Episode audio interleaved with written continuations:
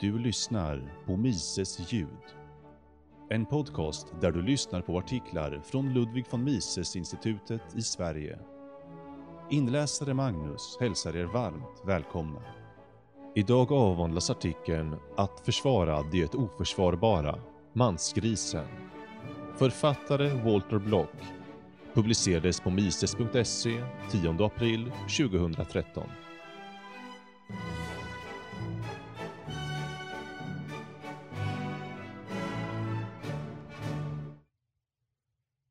Kvinnorörelsen är ett samlingsbegrepp som omfattar en mängd olika grupper med olika mål.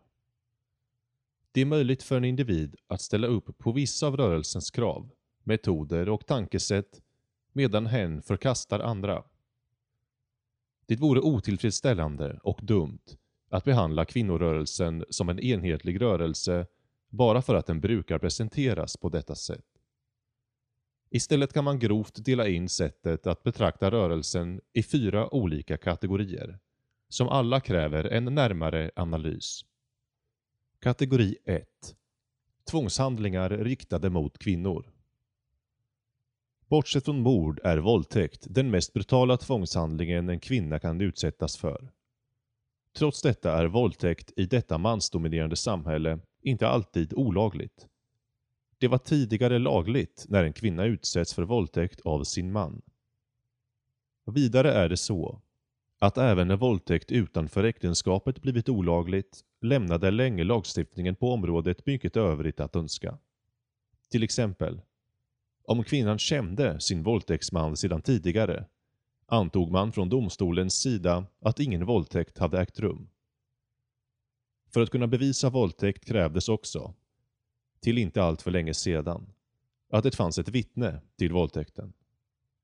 Om våldtäktsmannens vänner svor att de tidigare hade haft sex med offret kunde hon också bli stämplad som omoralisk, med resultatet att det blev praktiskt taget omöjligt att få till stånd en fällande dom.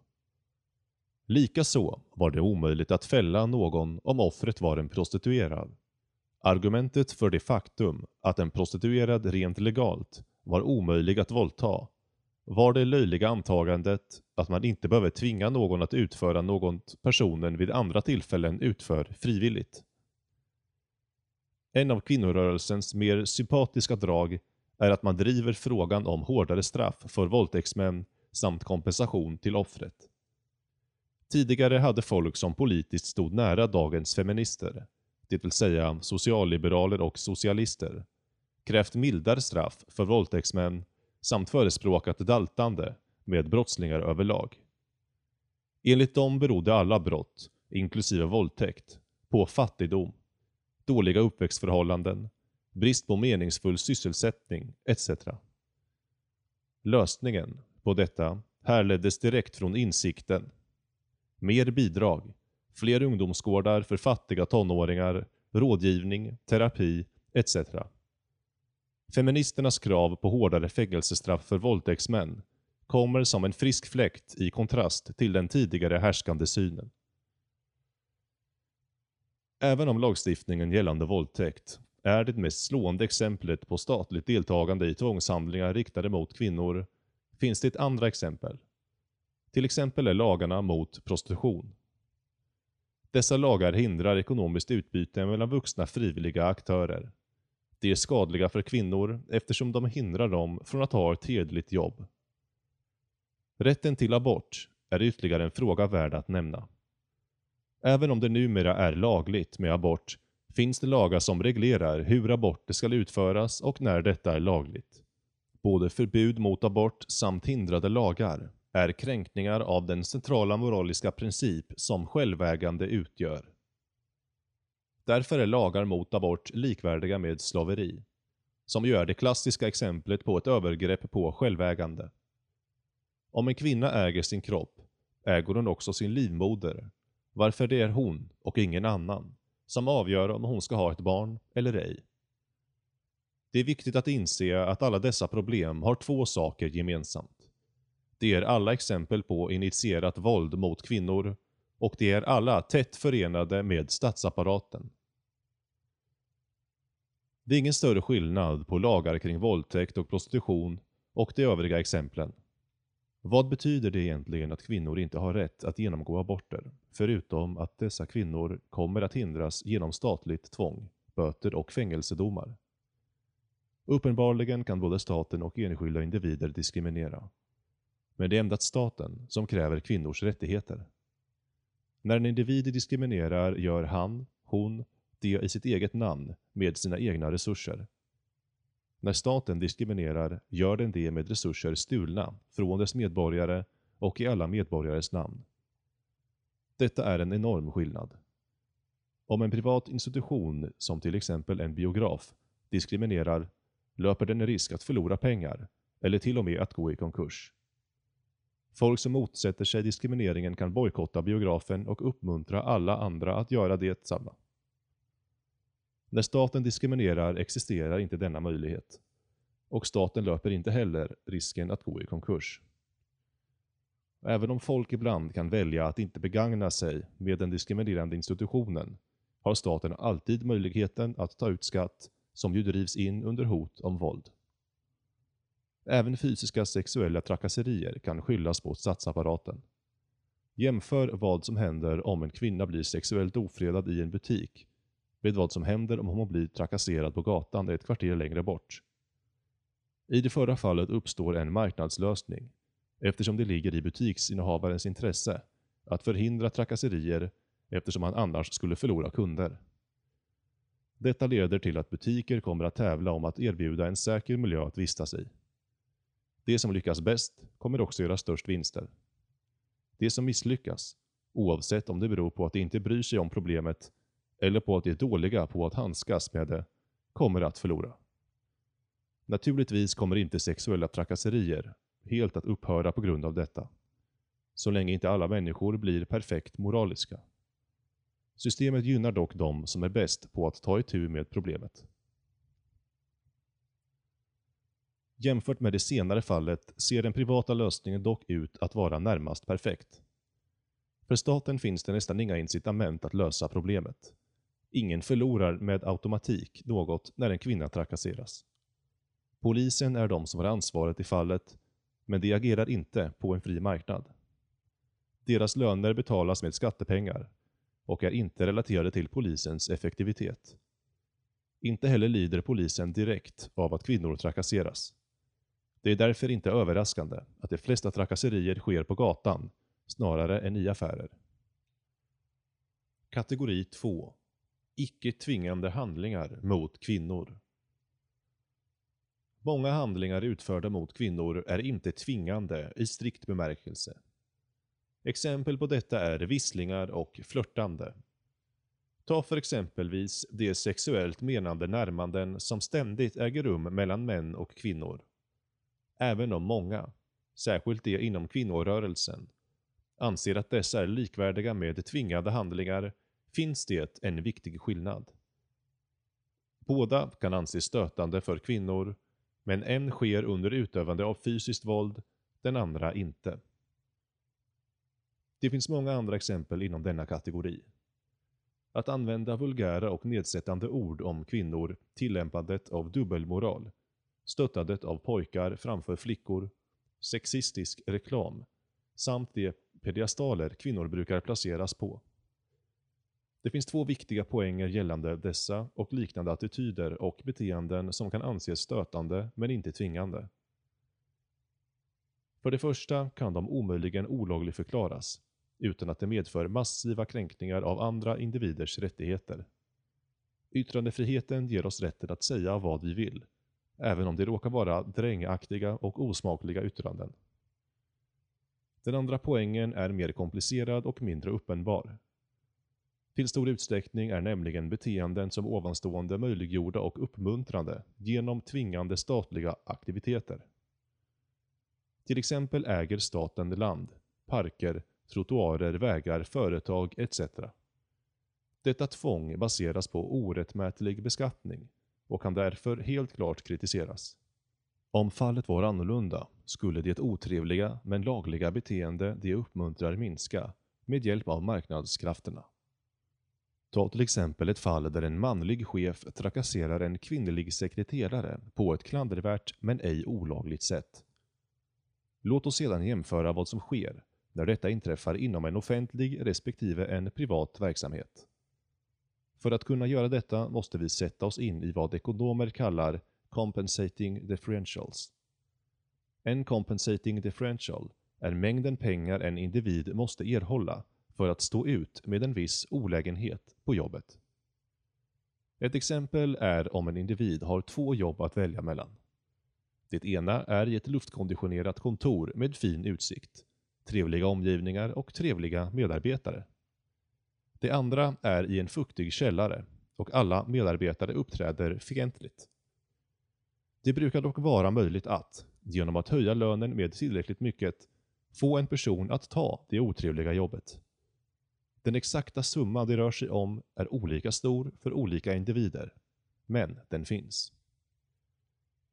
Precis som det går att betala någon för att personen i fråga ska jobba i en fuktig källare, går det att betala kvinnor mer för att de ska stå ut med sexuella trakasserier. Pengarna kommer direkt från chefens fickor om det rör sig om ett privat näringsidkare. Således har han alltså incitament att kontrollera sitt beteende samt beteendet hos hans övriga anställda.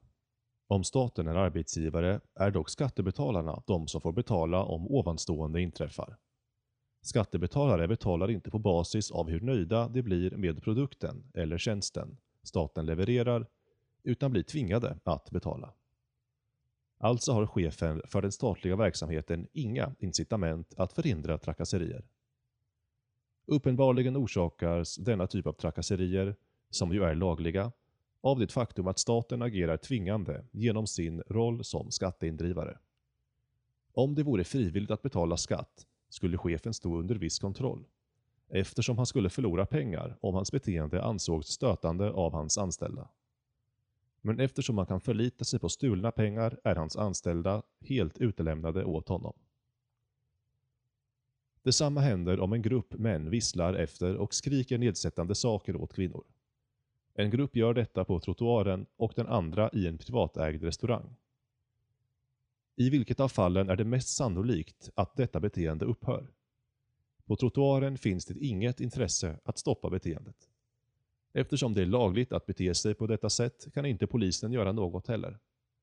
I restaurangen å andra sidan kommer ägaren, om han i framtiden vill servera eller anställa kvinnor, eller män som motsätter sig denna typen av beteende, att försöka stoppa det hela. Detta är förklaringen till det faktum att trakasserier av denna typ nästan aldrig inträffar i restauranger eller affärer, men desto oftare på trottoarer och gator. Kategori 3. Mansgrisen som hjälte. Kvinnorörelsens tillskyndare begår generellt två stora fel. Eftersom han motsätter sig dessa båda kan man gott se mansgrisen som en hjälte. Den första är lagar som garanterar lika lön för lika arbete. Den andra är kravet på antidiskrimineringslagar. Frågan är naturligtvis hur man avgör vad som är lika arbete. Om lika arbete ska tolkas bokstavligt och omfatta alla aspekter hos en anställds produktivitet på såväl lång som kort sikt och slutligen resultera i lika lönsamhet kommer män och kvinnor att, på en fri marknad, tjäna lika mycket. Om kvinnor i detta fall skulle tjäna mindre än män trots att de var lika produktiva, skulle marknadskrafterna se till att lika lön snart infördes. Hur? Arbetsgivarna skulle tjäna pengar på att anställa kvinnor snarare än män. Efterfrågan på manlig arbetskraft skulle sjunka, medan efterfrågan på kvinnlig dito skulle öka. Resultatet skulle bli att kvinnors löner steg. Detta skulle skapa ett mycket starkt incitament för arbetsgivare att göra sig av med sina manliga anställda och ersätta dem med kvinnor. De vinstmaximerande arbetsgivarna skulle därför, allt annat lika, tvinga de som vägrar anställa kvinnor i konkurs. I själva verket brukar dock de som förespråkar lagstiftning på området sällan definiera lika lön på detta sätt. Deras definition består mer av sådant som lika många års anställning, samma utbildning och så vidare. Dock är det så att två, på pappret lika kvalificerade potentiella anställda kan vara olika lönsamma. Det är otvivelaktigt så att kvinnor oftare än män stannar hemma med ett barn. Huruvida detta är rättvist är fullkomligt irrelevant. Det intressanta är hur det ligger till de facto. Om det finns en risk att en kvinna stannar hemma och förstör sin karriär är hon mindre värd för arbetsgivarna. Även om en man och en kvinna har samma kvalifikationer är det alltså så att mannen, på lång sikt, kommer att vara mer lönsam än kvinnan. Paradoxalt nog kommer många bevis för tesen att män och kvinnor inte skulle vara lika produktiva från kvinnorörelsen själv. Det finns gott om studier där män och kvinnor testats som grupper isolerade från varandra och sedan tillsammans i tävlan med varandra. I fallen där kvinnor och män hölls åtskilda visade kvinnorna prov på lika god förmåga som männen. Men, så snart de tvingades tävla med män, visade sig männen prestera bättre än kvinnorna med lätthet. Återigen är det viktigt att minnas att det inte spelar någon roll huruvida detta är rättvist, utan snarare om vilka effekter de får. I arbetslivet kommer kvinnor ständigt att tävla med och jämföras med män. Om de ständigt underpresterar är de mindre värdefulla för arbetsgivaren. I och med detta kommer lika lön för lika arbete att vara katastrofalt för kvinnor. Anledningen till dess konsekvenser är att de vinstmaximerande incitamenten kommer att vara de omvända. Istället för att marknadskrafterna skulle verka gynnande för kvinnor skulle det vara tvärtom. Om en arbetsgivare måste betala en kvinna lika mycket som en man, trots att kvinnan kan förväntas vara mindre produktiv, kan han öka vinsten genom att ersätta sina kvinnliga anställda med män. Feministiska arbetsgivare kommer att tappa marknadsandelar och göra lägre vinster och de som vinner på det hela är de arbetsgivare som vägrar anställa kvinnor. Det bör dock poängteras att de kvinnor som faktiskt är lika dugliga som män endast kan få de löner de förtjänar på en fri marknad. Bara där finns det ett incitament att anställa undervärderade och produktiva kvinnor och därigenom höja deras löner. Inom den offentliga sektorn finns dock inga sådana incitament. Därför är det inte heller märkligt att underbetalda kvinnor nästan enbart existerar inom den offentliga sektorn och inte i det privata näringslivet.